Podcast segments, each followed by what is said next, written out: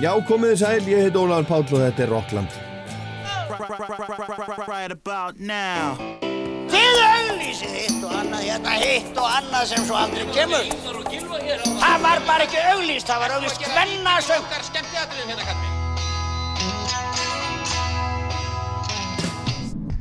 Hvað gerir kvöld? Kíkja á tónleikana? Ekki? Það er ekki beint fyrir mig að vera innan um einhverja brjála úlinga. Hvað minnur þau?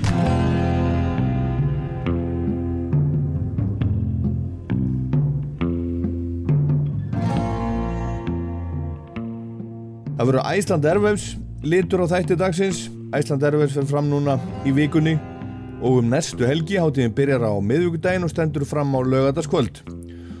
Og við heyrum í nokkrum af þeim erlendu listamönnum sem að mér finnast hvað áhugaverðastir og er að spila hátíðin í ár í þessu þætti og mat mitt er engangu þannig komið til að ég hef verið að hlusta á heilmikið af þeim erlendu hljómsveitum og listamönnum sem er að koma bara að kynna mér þá eins og, eins og aðrir og er svo búinn að velja nokkra sem að mér þykja spennandi og henda mínum eirum og kannski þínum í leiðinni og vonandi svo var Neil Young að gefa út nýja plötu minn gamli vinnur sína 30. og 9. plötu hún heitir Colorado var tekin upp í Colorado í bandarækjunum á 11 dögum núna í, í haust það sumar og hefur verið að fá fína dóma yfirleitt svona fjögur að stjórnu dóma ég ætla að segja ykkur hvað mér finnst um Colorado á ettir og segja ykkur frá tilur plötunar og svo heyrum við nokkur tóndæmi af henni.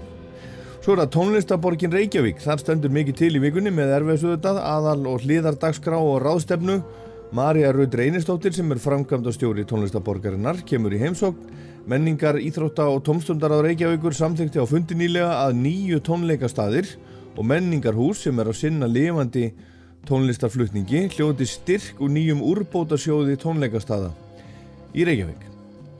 En á Airwaves er spilað á nýju tónleikastöðum í Reykjavík, í Fríkirkjunni, í Gamla Bíói, á Gauknum, Hard Rock Café, Listasafni Reykjavíkur, Hressó, í Yðnó, á Kekshostel og í Valshöllinni sem verður bara noturindar á lögataskvöldinu. Þar er uh, þá stærsta kvöldið og þar spila þá of Monsters and Men sem að loka kvöldinu og það verður allt saman í beitni útsendingu hérna hjá okkur á Rástöðu sem okkur finnst mjög gleðilegt. En á undan of Monsters and Men spila Vög, Agent Fresco, Daði Freyr og svo kvennalljómsveitin Chai frá Nagoya í Japan, alveg stórskemtilegt og eitt af því sem að mér finnst spennandi á í ár.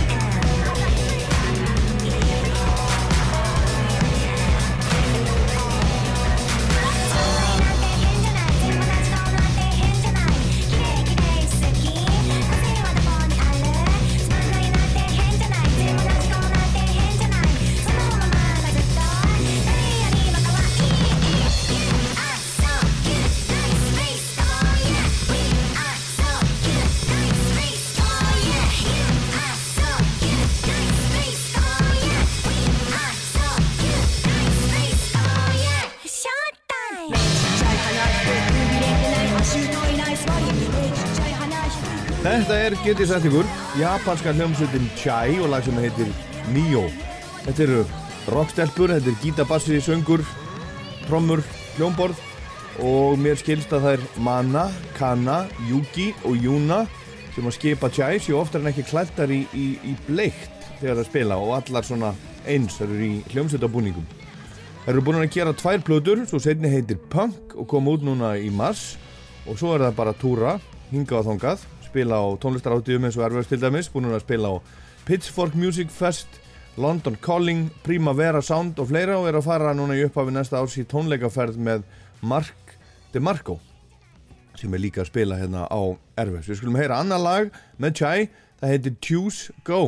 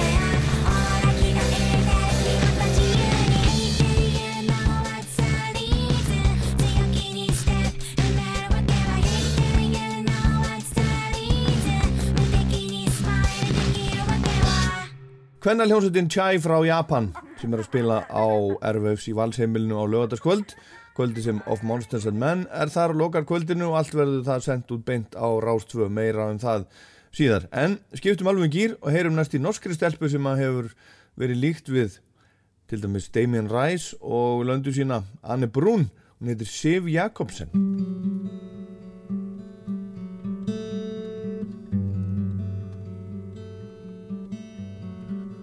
I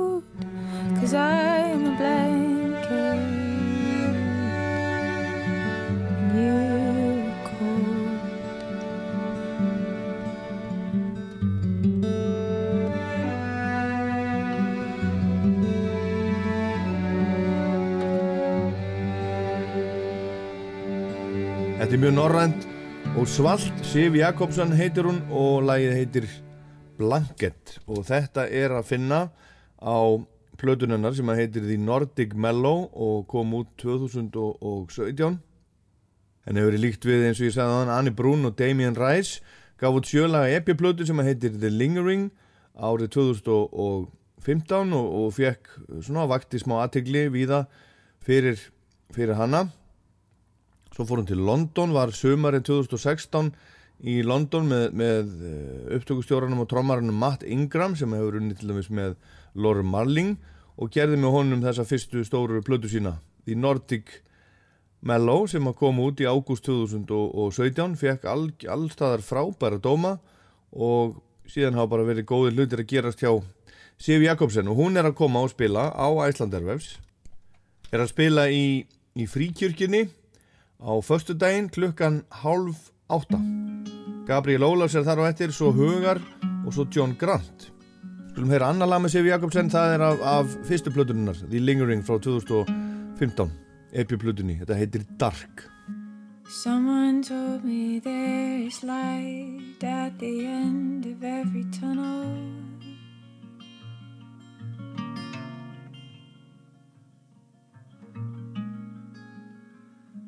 Said there's a light there waiting for me.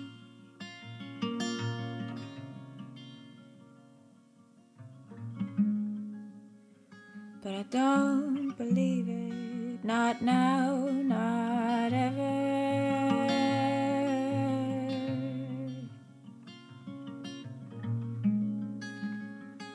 It's always dark when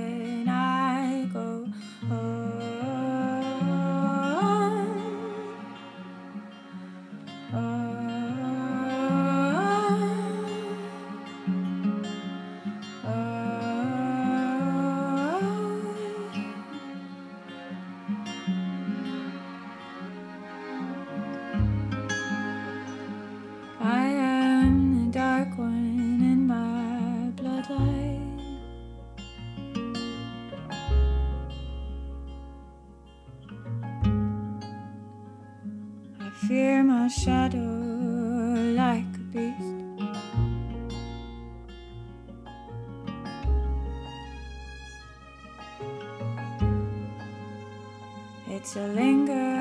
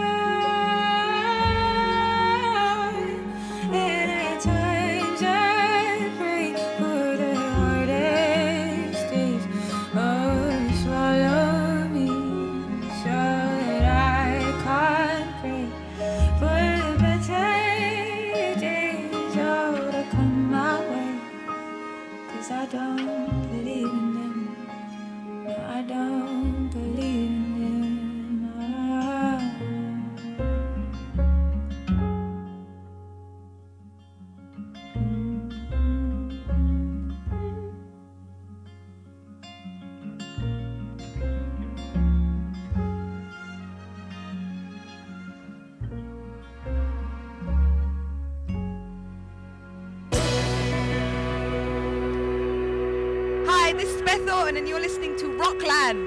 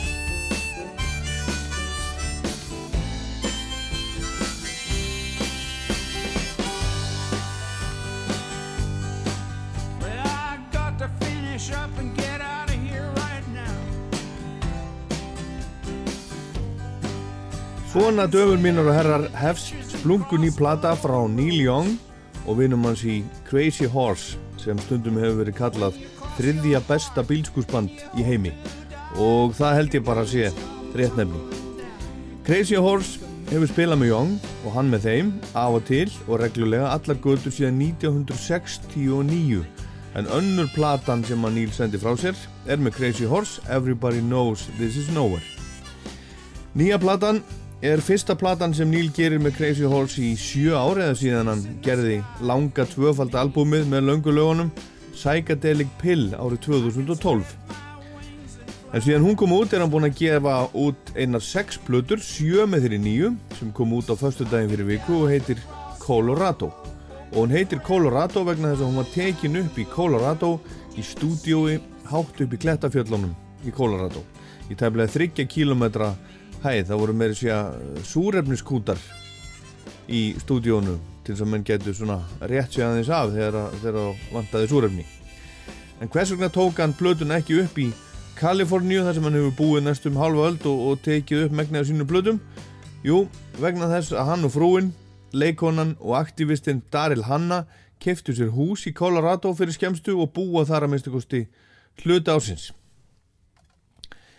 Crazy Horse er, er tríó, hefur verið tríó áratugum saman. Billy Talbot, 75 ára, plokkar bassan. Trommarinn heitir Ralph Molina, hann er líka 75 ára. Og gítaleikarin var lengst af Frank Poncio San Pedro, hann er 70, lang yngstur en sestur í Helgan Stein á Hawaii og er ekki með á Colorado. Þessi stað kallaði Neil í, gítaleikaran Niels Lofgren sem að spilaði með honum á After the Gold Rush fyrst 1970 þegar hann var 18 ára og á Two Nights the Night 1975 og Trans 82 auk þess að, að spila með Crazy Horse bandinu á Neil um og upp úr 1970 hann er til dæmis í, í hljómsveitinni þegar fyrsta plata sveitarinnar á Neil kom út 1970 Lágren hefur áratugum saman verið fastur maður í E-Street bandi Bruce Springsteen auk þess sem hann hefur verið duglegur að gefa út sólarplötur í gegnum tíðina Neil ringdi í hann í fyrra og spurði hann hvort hann væri til að koma og spila með sér og Crazy Horse á nokkrum tónleikum og í kjölfarið var hann svo með á þessari plötu og hann er núna, skilst mér, fastur liðsmaður í Crazy Horse. Hann er unglingurinn í bandinu, ekki nummer 68 ára. Neil er 73 og í betra formin segir hann en hann hefur verið lengi bæði líkamlega og andlega. Hér syngur hann um gömlu dagana. Hvert er allir farnir, spyr hann.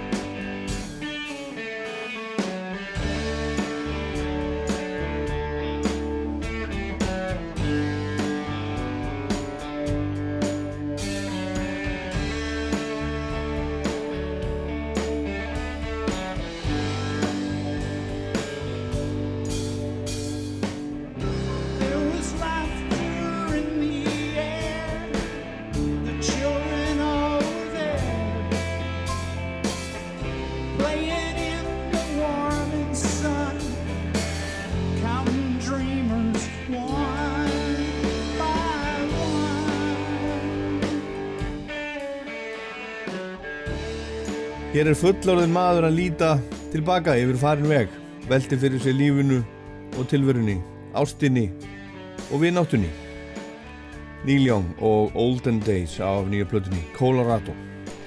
Neil Young er, eins og margir vita, Kanadamaður, fætur og alin upp í Kanada, fyrst í Toronto og síðan í Winnipeg þar til hann fór svo sem ungu maður á líkbílnum sínum sem hann kallaði Mort til Kaliforníu á sjönda áratögnum og stopnaði í Los Angeles hljómsveitina Buffalo Springfield á samt Steven Stills og fleiri ungum mönnum og hann átti svo líka eftir að vera með Stills í supergrúpunni Crosby, Stills, Nass og Young. Neil hefur allar tíð verið gaggrinnin á samfélagi sem hann býr í og á bandarisk stjórnvöld og hefur oft fengið gaggrinni tilbaka hvað hann sé nú að vilja á dekk. Hann sem sé ekki einu sinni bandarækjamaður heldur kanadísku ríkisborgari gestur í bandarækjanum En nú er að vera breyting á því. Hann er búinn að sækja um bandarískan ríkisborgarrétt og fær hann líkast til, vonar hann, skömmu eftir að hann fagnar 74 ára amalinu sínu núna 12. november. En hvers vegna er hann að sækjast eftir bandarískum ríkisborgarrétti núna, 2019? Jú, það er meðal annars svo hann geti kosið. Ég verði en þá Kanadamaður, það er ekkert sem breytir því, en ég bý í bandaríkjánum og fallega fjölskylda mín er bandarísk og mér langar að hafa eitthvað að segja um framtíð landsins og taka þátt í kostningum, saðan í viðtali núna fyrir stötu. Hann segir að við stöndum frammi fyrir stóri lofslagsógn sem ríkistjórnir hunsi og hann syngur einmitt um lofslagsmálin á nýju plötunni, meðal annars í lægi sem heitir She Showed Me Love og þar syngur hann You might say I'm an old white guy, you might say that og bæti svo við I've seen old white guys trying to kill Mother Nature.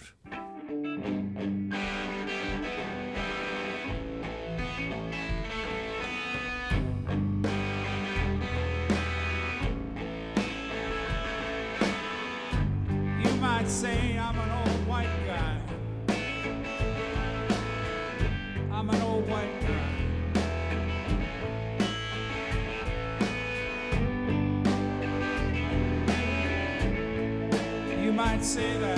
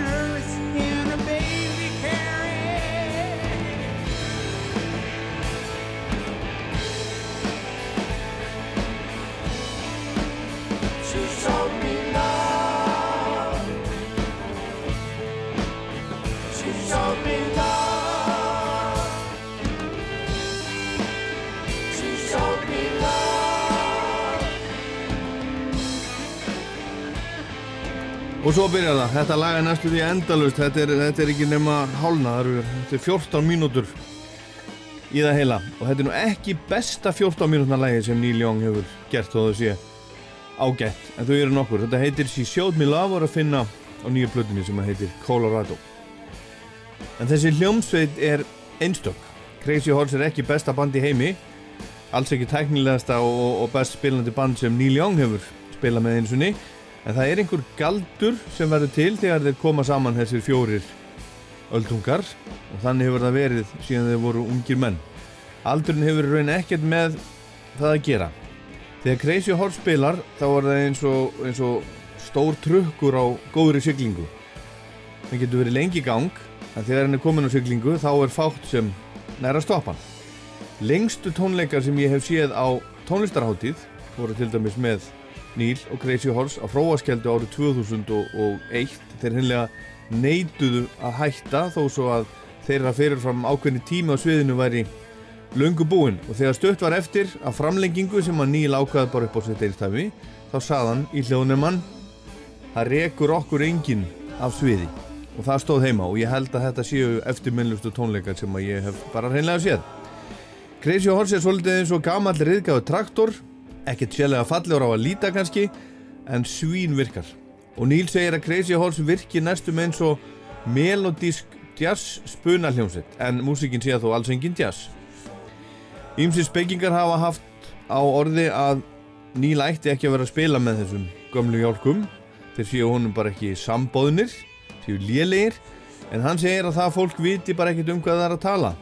Þetta gengur ekki út á að spila eitthvað svakalega vel. Við erum ekki að reyna að heilla fólk með fáaðari spilamennsku.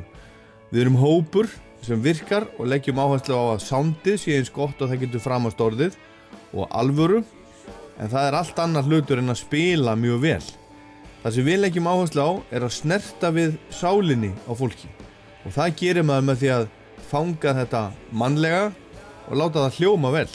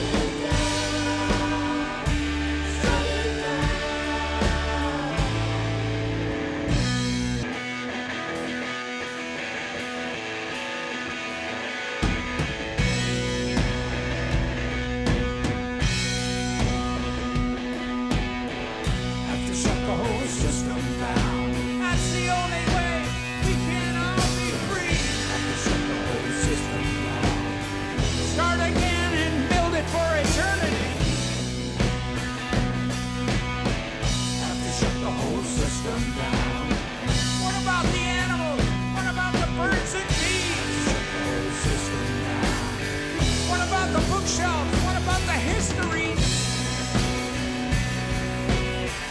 Have to shut the whole system down. Shut it down. Shut it down. Shut it down. Shut it down.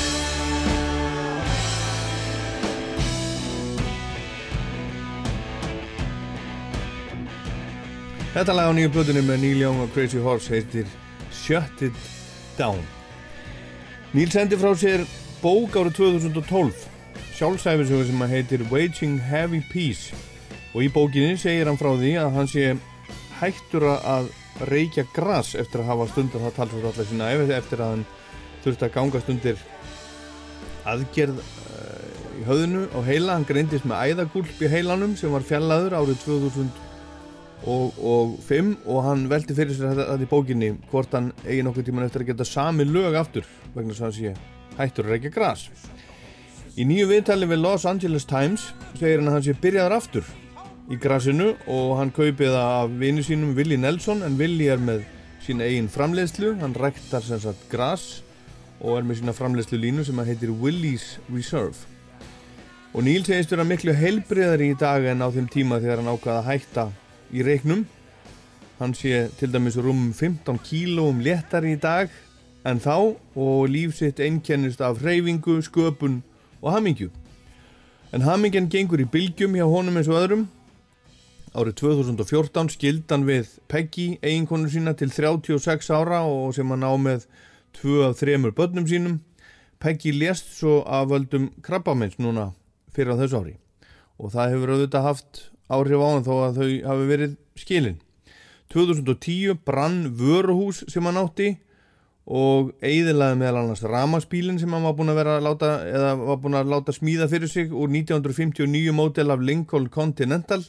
Linkvolt kallaði hann bílinn sem hann var gríðarlega ánaði með og hann gerði með sér heila plötu í raun og veru um gerð bílsins árið 2009 hann heitir Fork in the Road og hann er mikill sapnari hann, á, hann sapnar alls konar dóti og var með þetta sagt, í þessu vöruhúsi fullt af dóti sem hann átti og það brann og í fyrra lendi Níl svo í öðrum bruna þegar heimili hans í Malibu Canyon brann í skóareldi í júni á þessu ári lést umbóðsmaðurinn hans Elliot Roberts sem var búin að vera hans nánasti samstagsmaður í halva öld Hann meðal annars komið honum hingað til Íslands þegar hann spilaði á St. Crazy Horse í Laugardalsvöll 2014.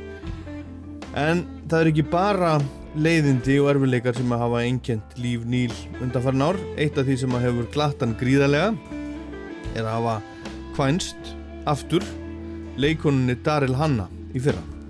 She was looking like a friend of mine the first time I saw her face.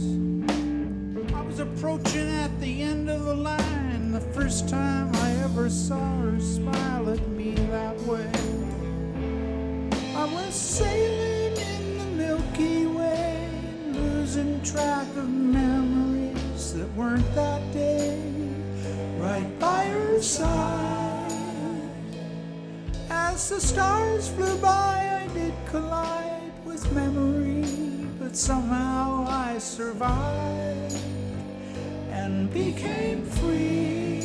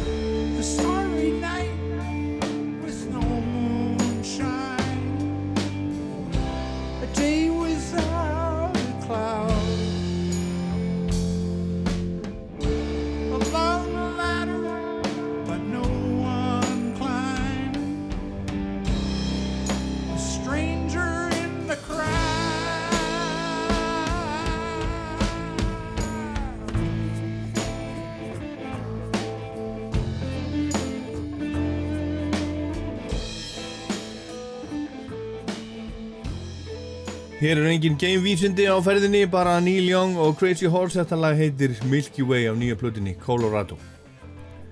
Og meðfram og til hliðar við þessa nýju plötu var að koma kvikmynd. Hann sendi sagt, frá sér kvikmynd, heimildamynd um gerð plötunar sem heitir Mountain Top. Þetta er 92 mínútna mynd og hann er skráður leikstjóri Bernard Shaky sem er svona leikstjóra hliðar sjálfið hans hún var tekin dagana 11 sem Níl og kallarnir voru að taka Colorado upp.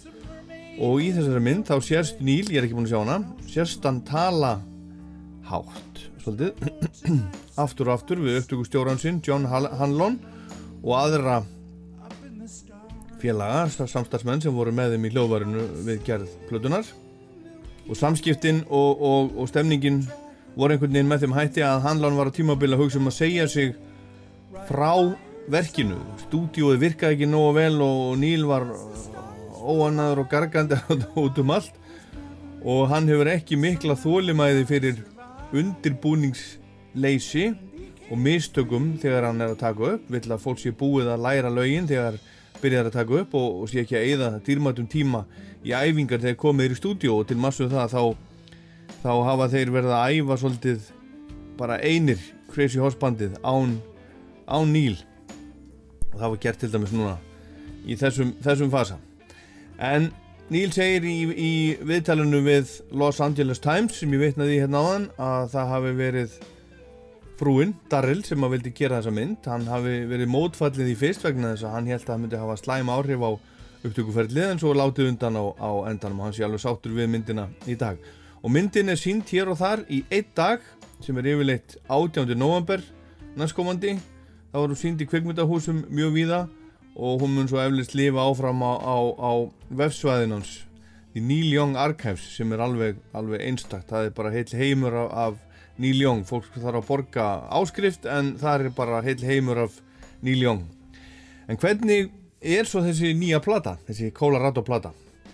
Jú, ég hef búin að hlusta nokkur sinnum og ég hef gaman að þessu en það mikill aðdáðandi en fyrir fólk sem að þekki Neil Young lítið eða ekkert langar að kynast honum þá var þetta nú ekki plata til að byrja á held ég Þegar ég hugsa um plötuna sem hann hefur gert með Crazy Horse í gegnum tíðina þá eru þar flestar betri en þessi.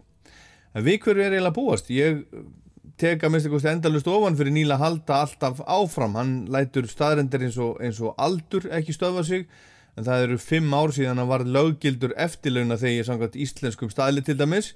En hann hefur gert plötu okkur í einast ári á þessum, þessum fimm auk þegar sem hann hefur alltaf að túra reglulega annarkvort með Crazy Horse eða hinni hljómsveitinni Promise of the Real þar sem hann er umkrýndur mönnum sem eru helmingi yngre en hann.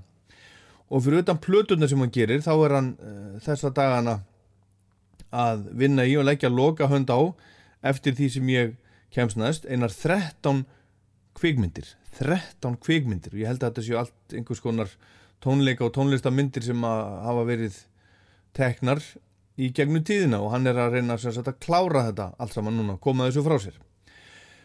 Við skulum hverja nýl í dag með lægin sem að mér finnst best á nýju plötunni.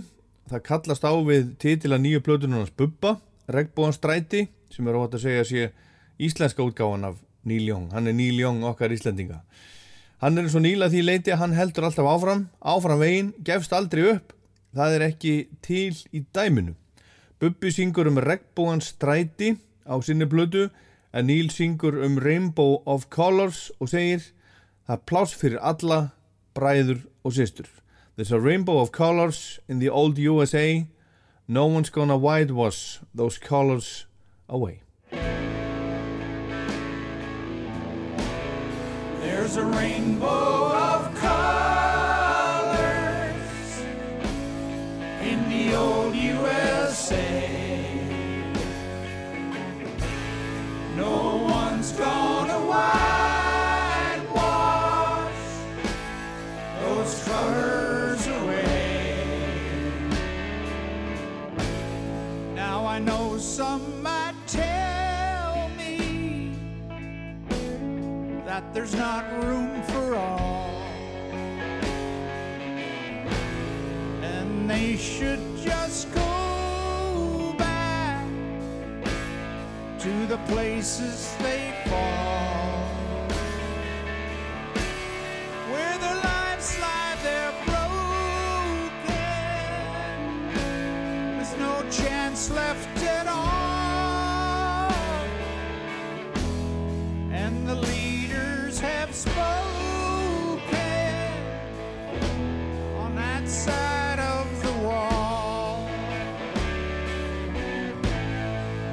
There's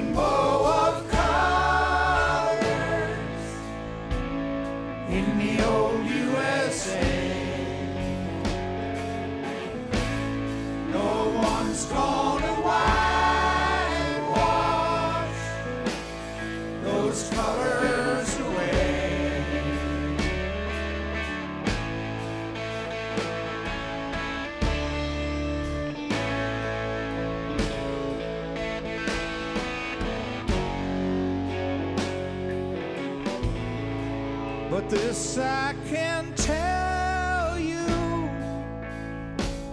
we the people are strong. And we know that our brothers and our sisters in song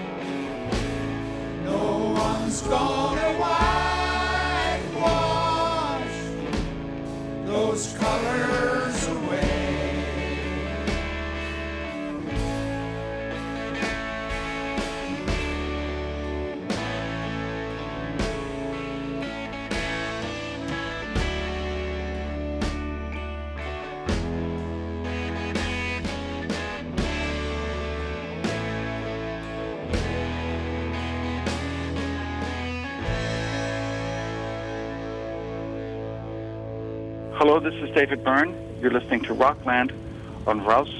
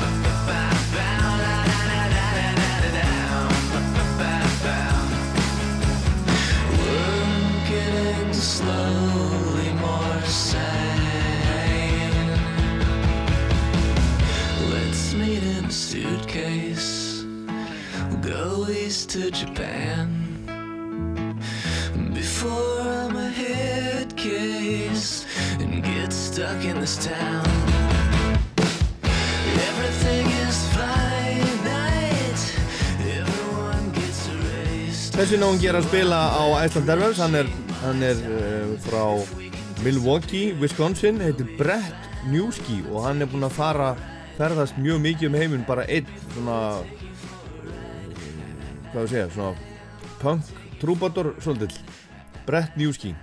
Það lag sem vorum að heyra heitir Ride.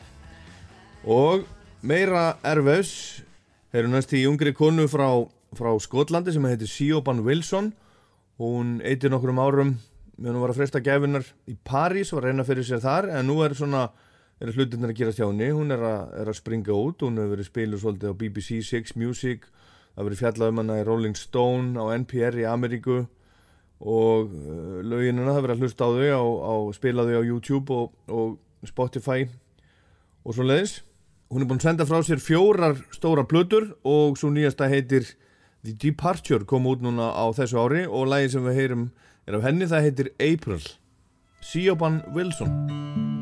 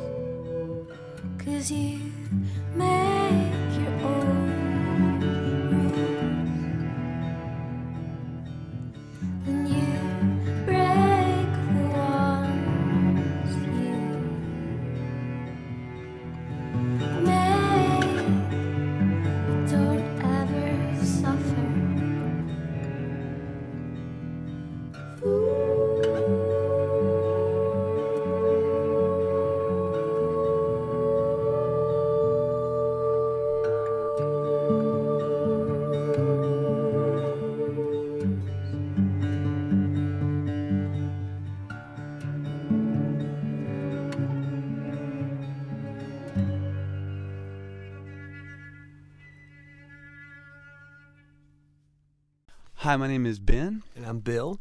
And we're from the band Band of Horses, and you are listening to Raus 2. Já, þetta er Rockland og ég er Ólaður Páll. Marja Rauður Einarsdóttir sem er framkvæmdastjóri tónlistar borgarinnar Reykjavíkur kemur í heimsókn hérna rétt á eftir og segir okkur frá nýjum úrbóta sjóði tónleikastaða í Reykjavík. Hérna rétt á eftir, en fyrst eitt stór skemmtilegt erfæfsband sem er að spila á Gauknum. Þeir kallar sig Tvöfalt Vaf H. Lung. W.H. Lung. Thank you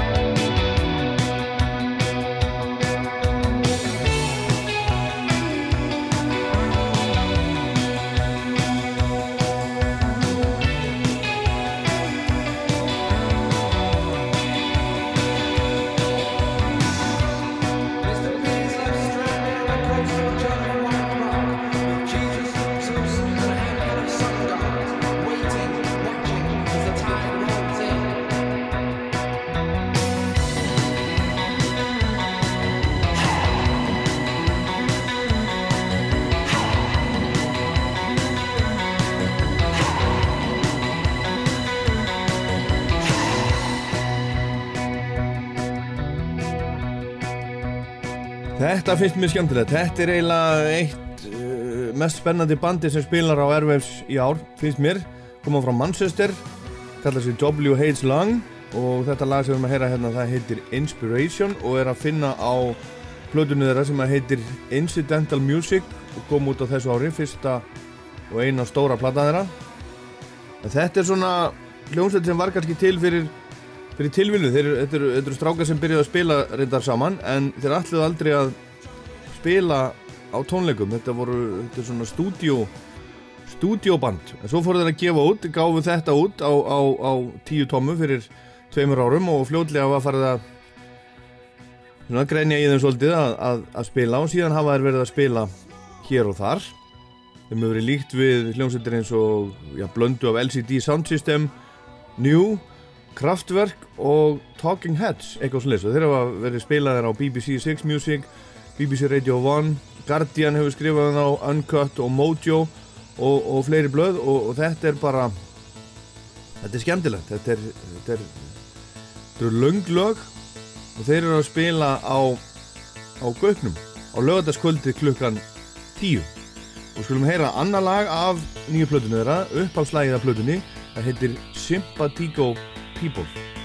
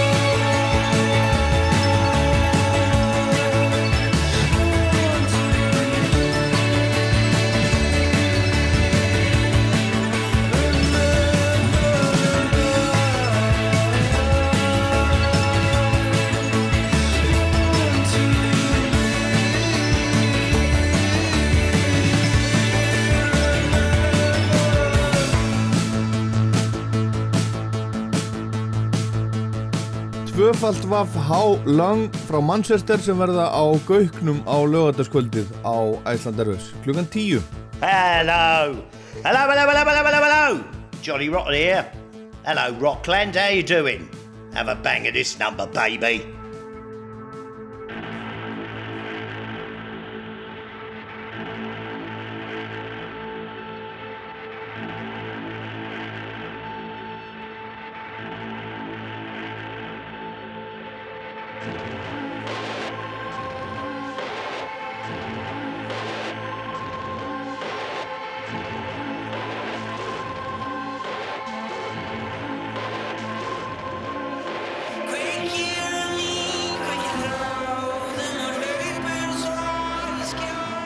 Menningar, íþrótta og tómstundar á Reykjavíkur samþykti á ráðsfundi núna um miðan oktober að nýju tónleikastaðir og menningarhús sem sinna lifandi tónlistarflutningi hljóti styrk úr nýjum úrbótasjóði tónleikastaða í Reykjavík. Úrbótasjóður tónleikastaða er unnenundar rifjum tónlistarborgarinnar Reykjavík og framkvæmtastjórun er komin hingað í Rockland. Marja Röður Einarsdóttir, sæl og blössuð. Já, blessa. Hérna byrjum aðeins á, á bara tónlistaborginni, tónlistaborgir Reykjavík. Hvað, hvað er það, fórnúið? Hvað er það? Sko, tónlistaborgin Reykjavík er uh, verkefni sem, sem heyru undir Reykjavíkborg og þetta er uh, sett upp í dag eins, eins, upp eins og einhvers konar tilhjónaverkefni til þryggja ára. Um, næsta ár, 2020, er í raun og veru síðasta árið en vonandi verður tekin ákvörðunum framhald á þessu verkefni. Uh, markmið er í raun og veru bara að, uh, hvað maður að segja, búa til stuðningskerfi við tónlistarlífið í borginni og Já. bara styðja við tónlistarlífið í borginni og kannski finna veikupunktana og koma þar inn með einhvers konar uh, verkefni og hérna og sömuleiðis uh, kynna Reykjavíkuborg og Íslands tónlistarlíf út af við. Og þetta, þetta snýst bara um í rauninni að gera meira gaman fyrir borgarana. Akkurat og, og svona kannski líka skoða, ég meina þeir sem er að reyna að gera eitthvað í íslensku tónlistarlífi, hvort sem það er tónlistarfólk eða tónleikastaðir, að það sé stutt vel við það og það sé sínt í verki að, að þetta skipti máli fyrir borgina. Að því að sko Reykjavík eh, eins og svo margar aðra borgir í dag um, eru að upplifa breytingar og, og það er að verða mikla breytingar á borgunum okkar við erum öll að ferðast meira, það er mikill ferðamanna ströymur uh, við erum öll að reyna að þjætta byggðirnar okkar líka og borgirnar. Þannig að þá til dæmis eins og með tónleikastæðina þá eiga þeir undir höggasækja Mhm. og hérna og þetta er ekkit einstæmi, þetta er ekki bara að gerast hér þetta er að gerast mjög víða, að litlir tónleikastæðir og miðlungstóri tónleikastæðir að þeim er lokað. Eða þeir þurfa að flytja sum set aftur og aftur og aftur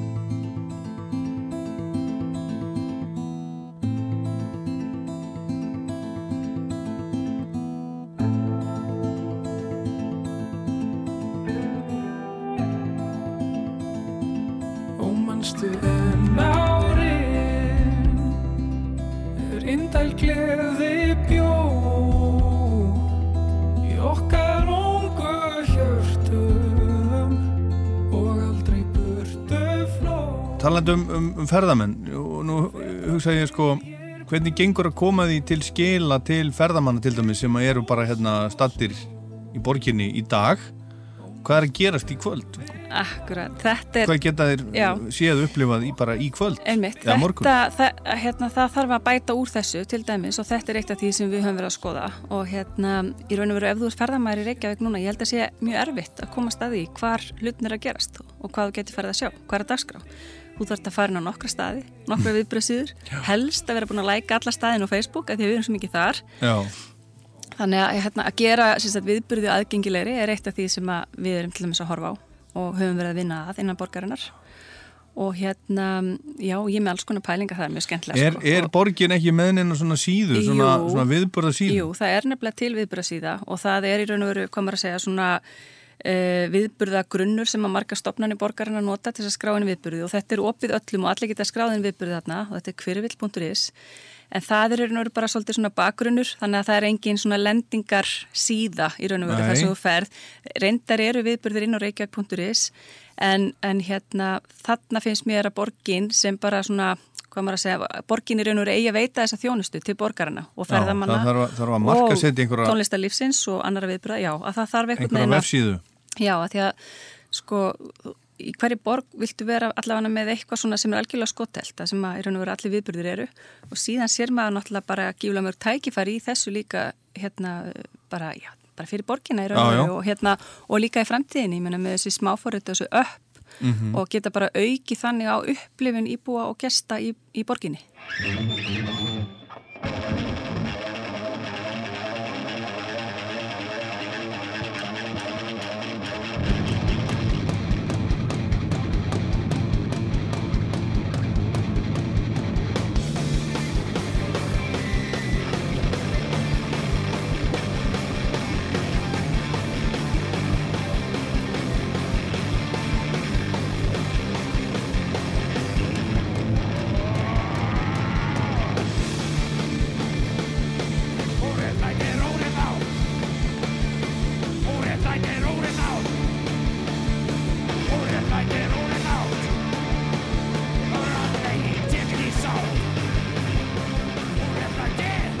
Þessi úrbóta sjóður tónleikastaða eh, hérna eh, hvaðan eh, hva, hva, hva, hvaðan kemur þetta? Hvernig var þetta til? Þetta verður til þannig að þegar að tónlistaborgarverkefni fer að stað, þarna hausti 2017, þá er svona eitt af því fyrsta sem við gerum er að hóa saman, eða hóa, kalla í tónleikastæðina, fórsvarsmenn þeirra og hitta þá bara saman á fundi og, og þá fyrir við að ræða svona hvernig er að reyka tónleikastæði borginni og svona hver er ykkar ekstra veruleiki, hverjar eru áskoruninnar og, og, hérna, og það er eitt og annað sem kemur upp úr því samtali og einhverjar hugmyndir líka um hvað var eftir að gera að stiðja betur við staðina. Og við fyrir svo bara í að móta þær hugmyndir. En það eru nokkrar og þetta er eina þeim sem að fekk svona brautargengi allavega fyrstum sinn. Svo eru margar aðra pælingar líka. Ekkit, en, þetta ekkit, snýst ekki alltaf bara um pening heldur Nei. þetta að styðja við með margskunarhætti en þetta hérna, fekk brautargengi innan borgarinnar og, og, hérna, og var náttúrulega síðan samþeitt sem tillaga og, og já, þetta er bara svona afrakstur þessar, þessar verkefnis, tónlistaborgarinnar Já, og þetta eru nýju tónleikastaðir og menningarhús sem að, sem að eh, sinna tón, lifandi tónlistarflutningi sem að hlutu, hlutu styrk. Hérna, hvernig var ferlið og, og svona? Já, við sem sagt opnum fyrir umsóknir í sumar og það var umsóknarfrestur til loka ágúst. Uh, við settum saman eða sem sagt borgin, eh, menningar og langt, menningar, íþrótt og tómstundar á mm skipaði eitt fulltrúa í fagráð eða faghóp, síðan komi náttúrulega STEF og FIH og FHF öll inn með framlægiðina sjóð sem að mér finnst mjög mikið ánæður, ánægjafni. Þau leggja þarna fram 500.000 hvert félag og þau saman skipuðu síðan tvo aðleið þennan faghóp. Og hérna þessi faghópu fór síðan í rumsóknar og, og hérna, já, þetta var, voru tæknimenn og, og fólk sem höfðu svona þekkingu á tónlistarlífinu og reynur verið komið tilugur að, að hérna, þeim stöðum sem ætti að fá Já. styrk.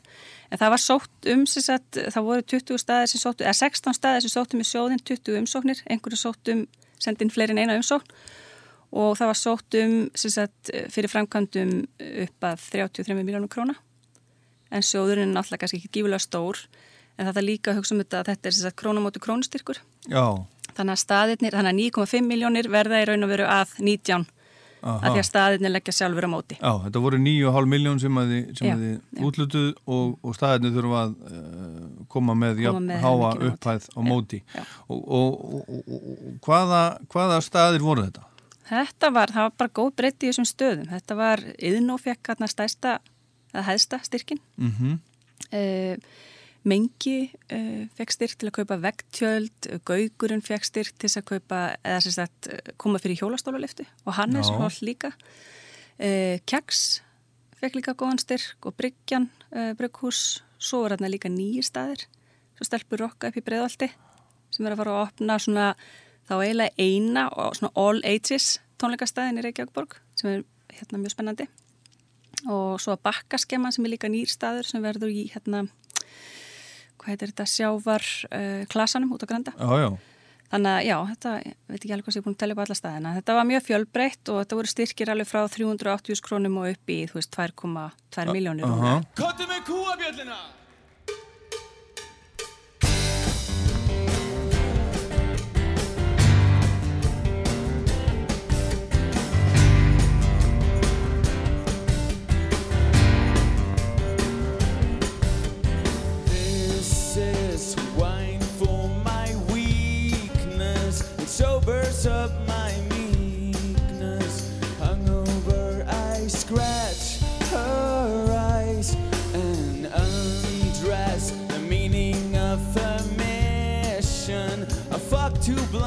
Óttur að tala um það að, að sko það er mikið að ferðamönnum að koma til Íslands út af tónlistinni.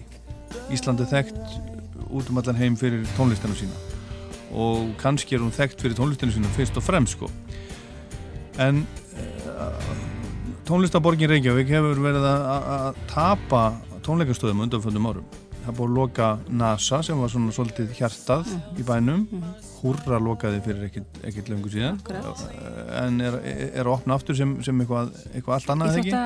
Akkurat, Mhm. og svona, þú veist hvað er hægt að gera til þess að, að svona stoppa þessa, þessa blæðingu, þannig, þannig að það séu einhverjir, einhverjir staðir Já. og það séu einhvern veginn lífvanlegt að, að reka uh, staði fyrir, tón, fyrir lífandi tónlistir Reykjavík Algjörlega, þetta er náttúrulega bara, það er mjög mikilvægt að það sé einmitt lífanlegt að reyka tónleikastæði að því að við viljum ekki náttúrulega miðborgir sem að verða bara einhverja túristabúðir og hótel vegna þess að þá í raun og veru er það sem að dró ferðamenn eða íbúa að borginni uh, veist, í fyrstu, þá er það í raun og veru horfið þannig að Mhm. aðdráttarafli er horfið þannig að þetta er svona pínlítið þversögn hérna í þessu um, þessi úrbótasjóður miðar í raun og veru að þessu, að reyna svona aðeins að bæta rekstra veruleika tónleikastæðana og sína verki að þeir skipti máli.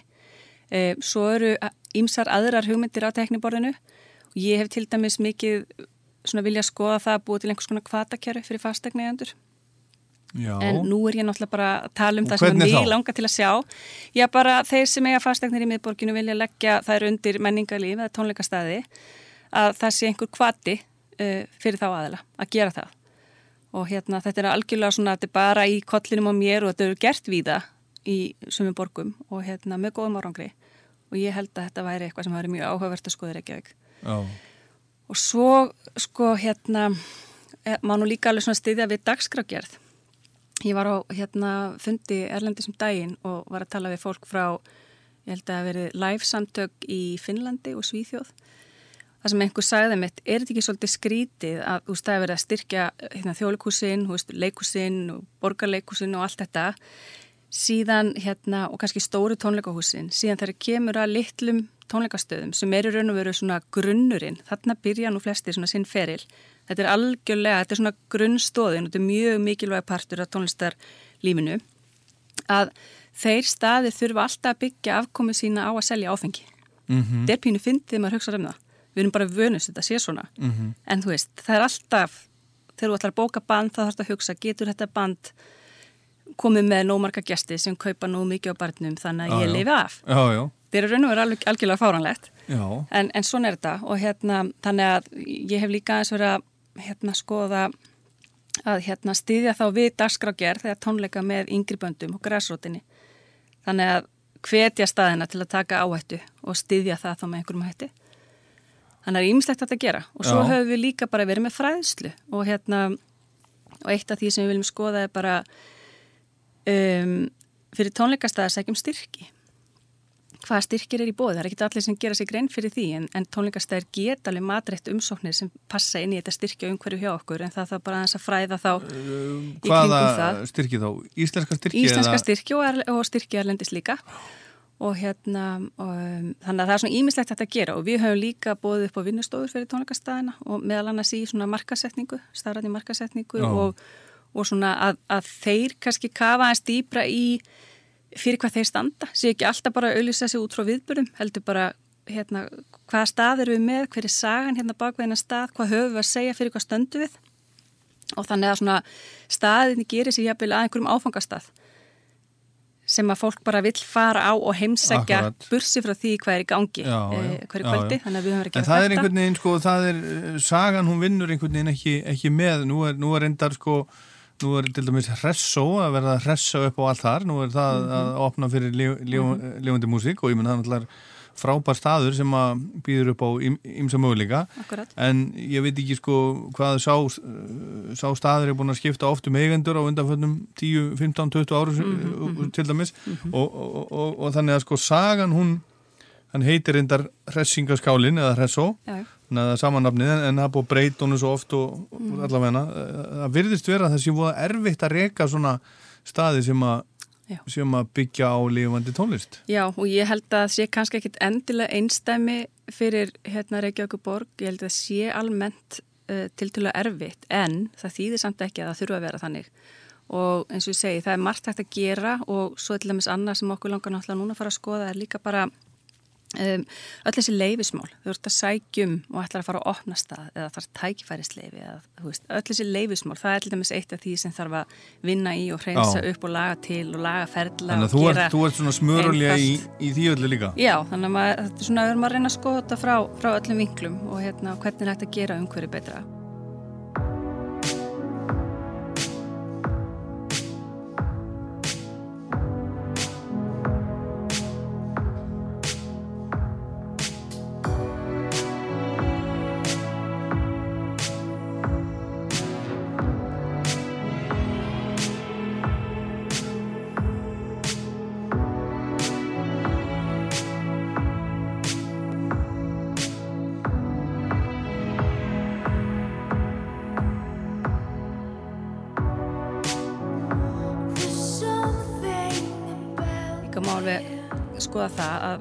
Í kringum okkur þá er til einhver svona samtök tónleikastaða eða tónleikahaldara eða hvað maður að segja, já, bara kannski, kannski jafnvel tónleikahaldara, tónleikastaðir, tónlistarháttir allir saman og eru með eitthvað svona forsvarsmann og talsmann og berast fyrir sínum hagsmunum.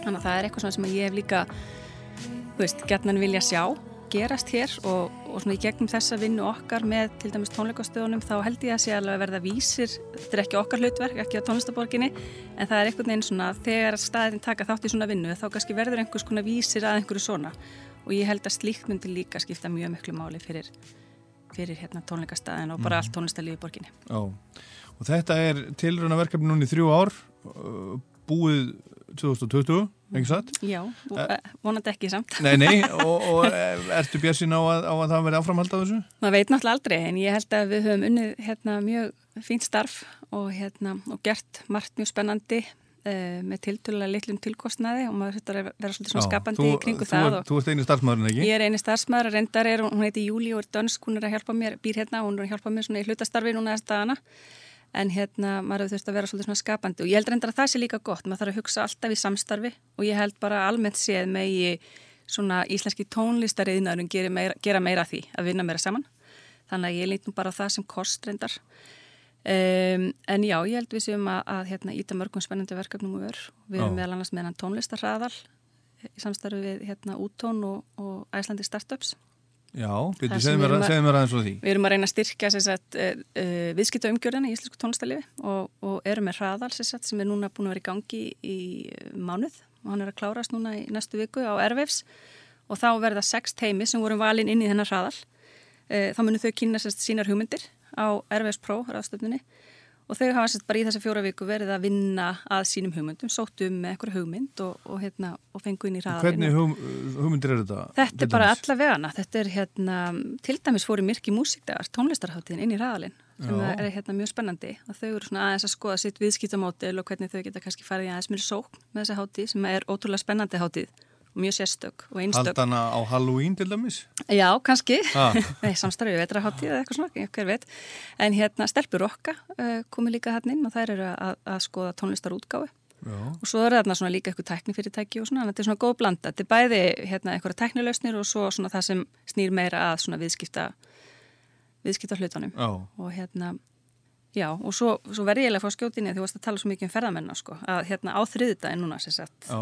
15. nómber, eh, frá 9 til 12 verði við með í yðnó mjög spennandi málþing um tónlistatengda ferðamennsku. Nú, nú. Uh, og þar verða í raun og veru bara margir spennandi hálfpartin svona örfyrirlestrar Já. bæði frá fólki sem er að vinna að hugmyndum uh, sem falla undir tónlistatengta ferðamennsku en líka kannski svona aðeins fræðilegri líka úst, af hverju, eða hvað er tónlistatengt ferðamennska og af hverju skiptur um máli og hverju er tækifærin Það ætlum aðeins að skoða það og ég hvet bara fólk sem hefur áhuga á þessu og hérna, endilega koma og kíkja á og á okkur. Þetta er í Iðnó. þriðdags morgunin. Það er frýtt inn að það er að skrá sér endar og við erum að fara að setja í loftið og hérna bara endilega mæta. Þetta er 9 til 12.30 og svo vil ég líka segja við, við þá sem eru kannski að hlusta og eru með eitthvað svona hugmyndir, langar gera eitthvað sem tengist tónlist og ferðamennsku að þá verðum við með setnipartin þann dag, verðum við líka með vinnustofu með Ólaf Förnis sem að, sem að er einhver music tourist í, í Skotlandi. Já, já. og hann ætlar að leiða smá svona vinnustofu fyrir fólk sem er með einhverju svona hugmyndir. Og hérna, svo ætlum við að enda á því að fara í göngum með Arnarækjarti Já, þannig að við erum svona aðeins að fókusera þetta núna og, hérna, og verðum svo með mjög margt spennandi í kringum Já. þrjú pallborð um svona tónlistaborgamálefni á ráðstöndunni og þar ætlum við að skoða líka tónlistatengdu ferðamennskuna, við ætlum að skoða framtíð tónleikastaða og, og, hérna, og ekki bara í Íslandi, heldur líka bara víðar. Og skoða líka svona verkefni sem miða því að styðja við tónleikastæði í, í því pallborði. Og svo verðum við pallborð um tónlist og nýsköpun í tengslu við hennan fæstartir hraðal sem við höfum verið með. Og kannski eitt í viðbót. Já, endilega, hérna, endilega, við endilega. erum líka að vinna með MIT Já, Hérna, þau- að, að hverju? Þau eru sérst að koma hérna yfir Airwaves og tónlistaborgin í, í samstarfi við þau og Æslandi Startups og Æslandi Airwaves eru líka hérna svona stuðningsaðalar verðum með hackathon bara svona hugmyndasmiðju heilstags hugmyndasmiðju á föstu daginn, 8. november þar sem að fólk sem er með einhverja hugmyndir sem að hérna, þetta er svona frekar vítsvið, eh, áskorun er bara hvernig við getum styrt íslenskan tónlistar yðnað og þarna er náttúrulega margar hugmyndir sem geta fallið undir. Þannig að fólk getur mætt með einhverju hugmynd í kollunum en fólk þarf heldur ekki að vera með henni hugmynd. Eða vil koma að taka þátt í þessu og, og líka læra þá kannski af þessum sérfræðingum frá, frá MIT sem að ætla að leiða fólki gegnum smá svona smiðju og, og hérna þróun hugmynda. Þannig við kveitum alla líka til að hérna, skoða það og taka þátt ef, að, ef þið vilja vinna í einhverjum slíkum hugmyndum Það er í, það er í ímis hodna líta. Einu sem var sagt, it's only rock and roll, but I like it. En þetta er ekki bara svo Nei, þetta er alls konar það. Það er alls konar í þessu öllu saman. Já, þetta er samt mjög spennandi Já. þetta er þetta er skoðað út frá svo mörgum vinklum og hérna, tónlistin er allstaðar Tónlistin aðstæðar. Mm Mhm. -hmm. Marja Rud Reynsdóttir frá, frá tónlistaborgin Reykjavík. Takk fyrir kominu í Rockland. Takk fyrir Þessir tónleikar er líka teknir upp.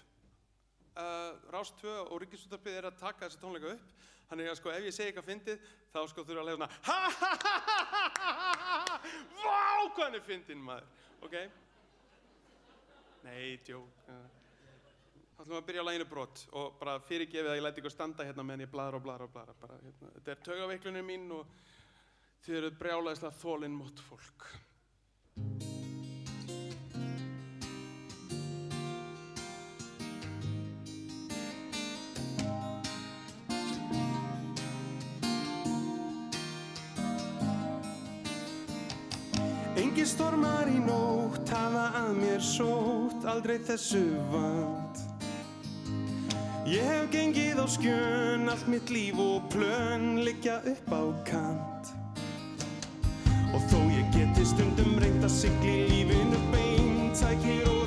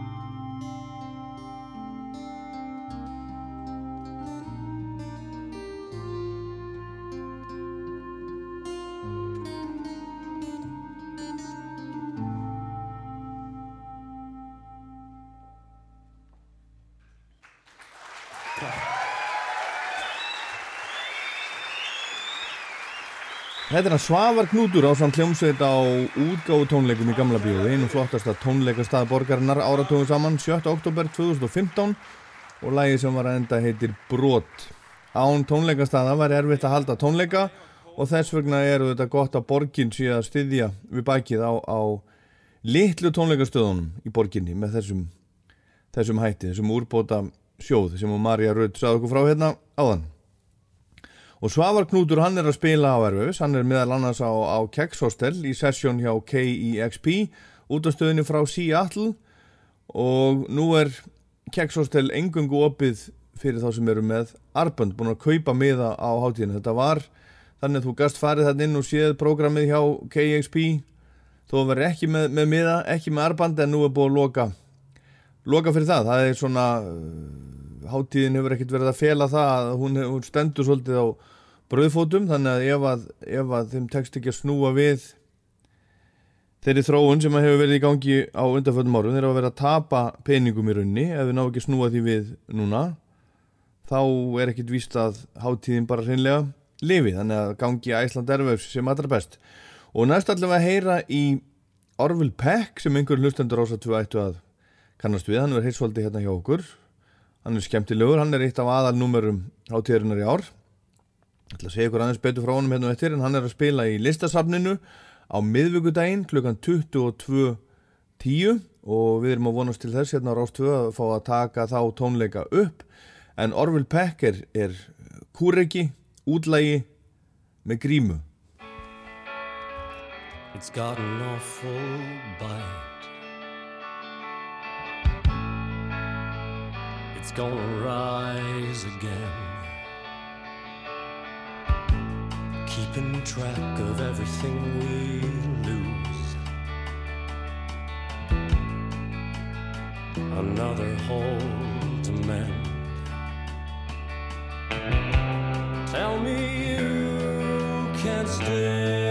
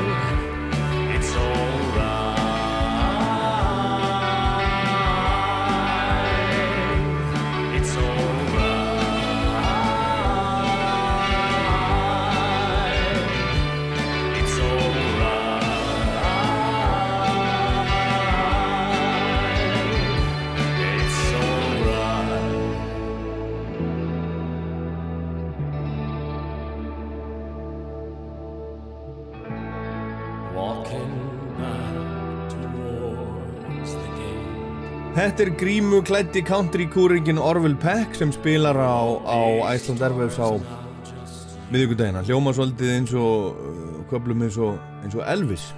En hann hefur vakið verðskulda aðtigli fyrir sína fyrstu stóru plötu sem heitir Pony og kom út í mars á þessu ári á vegum Sub Pop útgáfunar í Seattle og hann meðal annars uh, var meðal annars tilnæmdur til hérna vertu, virtu Polaris veluna í Kanada. Hann er Kanadamaður.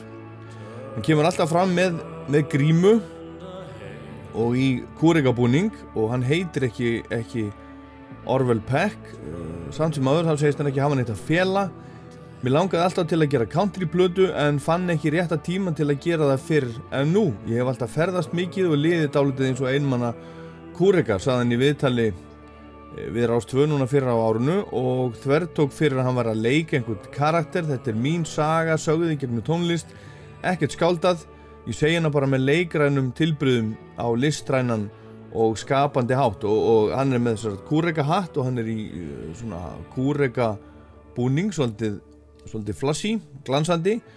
Og svo er hann með grímu eins og, eins og Zorro eða Lone Ranger. Nema niðan úr grímunni þá hangir svona kögur. Þannig að það sést ekkert í ekkert í andlitið á hann og hann er samkynniður allavega karakterinn Orville Peck, ég veit ekki hvort að, hvort að nærða sjálfur náungin sem er þar á, á baki sem að mér skilst að, að sé gammal gammal punkari. Eða gammal, hann er segist vera eldri en 20 ára, yngri en 40 ára og Peck er sem sagt samkynnt neyður og verður tíðrætt um fjölbreytileikan innan country senunar sem fram að þessu hefur verið eh, svona frekar karlæg og hvít. Hann segir að jaðarsett fólk hinsegin og, og, og þeldögt til að mynda sín og að sækja í auknum mæli inn á country slettuna það orðspor fyrir af country að það séu bara hvítir karlmenn að syngja um, um pallbíla en það er að breytast núna segir hann. Og Platan Pony hefur notið velgengni í country samfélaginu og Peck er ánað með það. Ég er heppin að aðdáðundur mínir koma úr mismunandi áttum. Ef þú horfir á áhorundaskaran á tónleikunum hjá mér þá sérðu kannski dragdrottningu við liðin á punkara miðaldra hjón í flýspeysu fyrir framann áttræðan mann í Hank Williams ból en hvaða sögur er þetta sem hann segir? Á Pony? Ég hef ferðast svo mikið, hitt svo mikið af fólki ég miðla æfintýrinu að ferðast án þess að þurfa að vera skuldbundin einum en það fylgir því líka einmannaleiki og kvíði. Ég sé þetta sem klípu kúreikans sagði Orville Peck í viðtali við Matta hérna á Rás 2 fyrir árunum við skulum heyra annar lag. Við heyrðum áðan eh, lag sem heitir Turn to Hate og næsta heitir Hope to Die. Orville Peck. Gone was the way we were.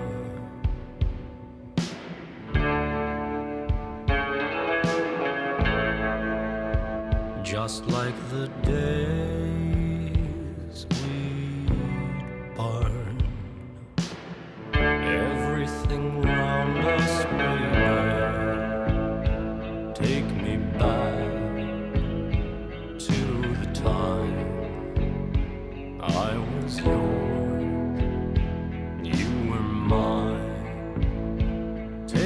back the words I'd say.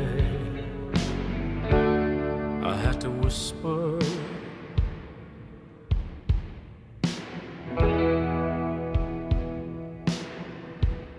Because you liked it that way.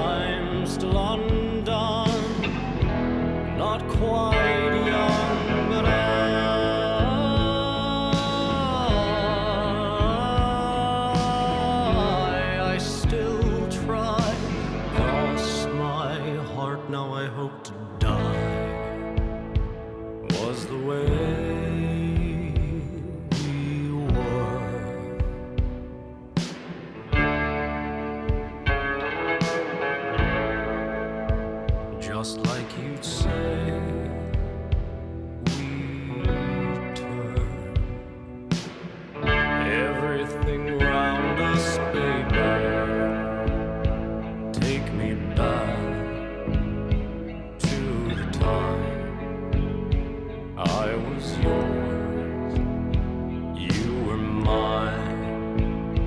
Take me back.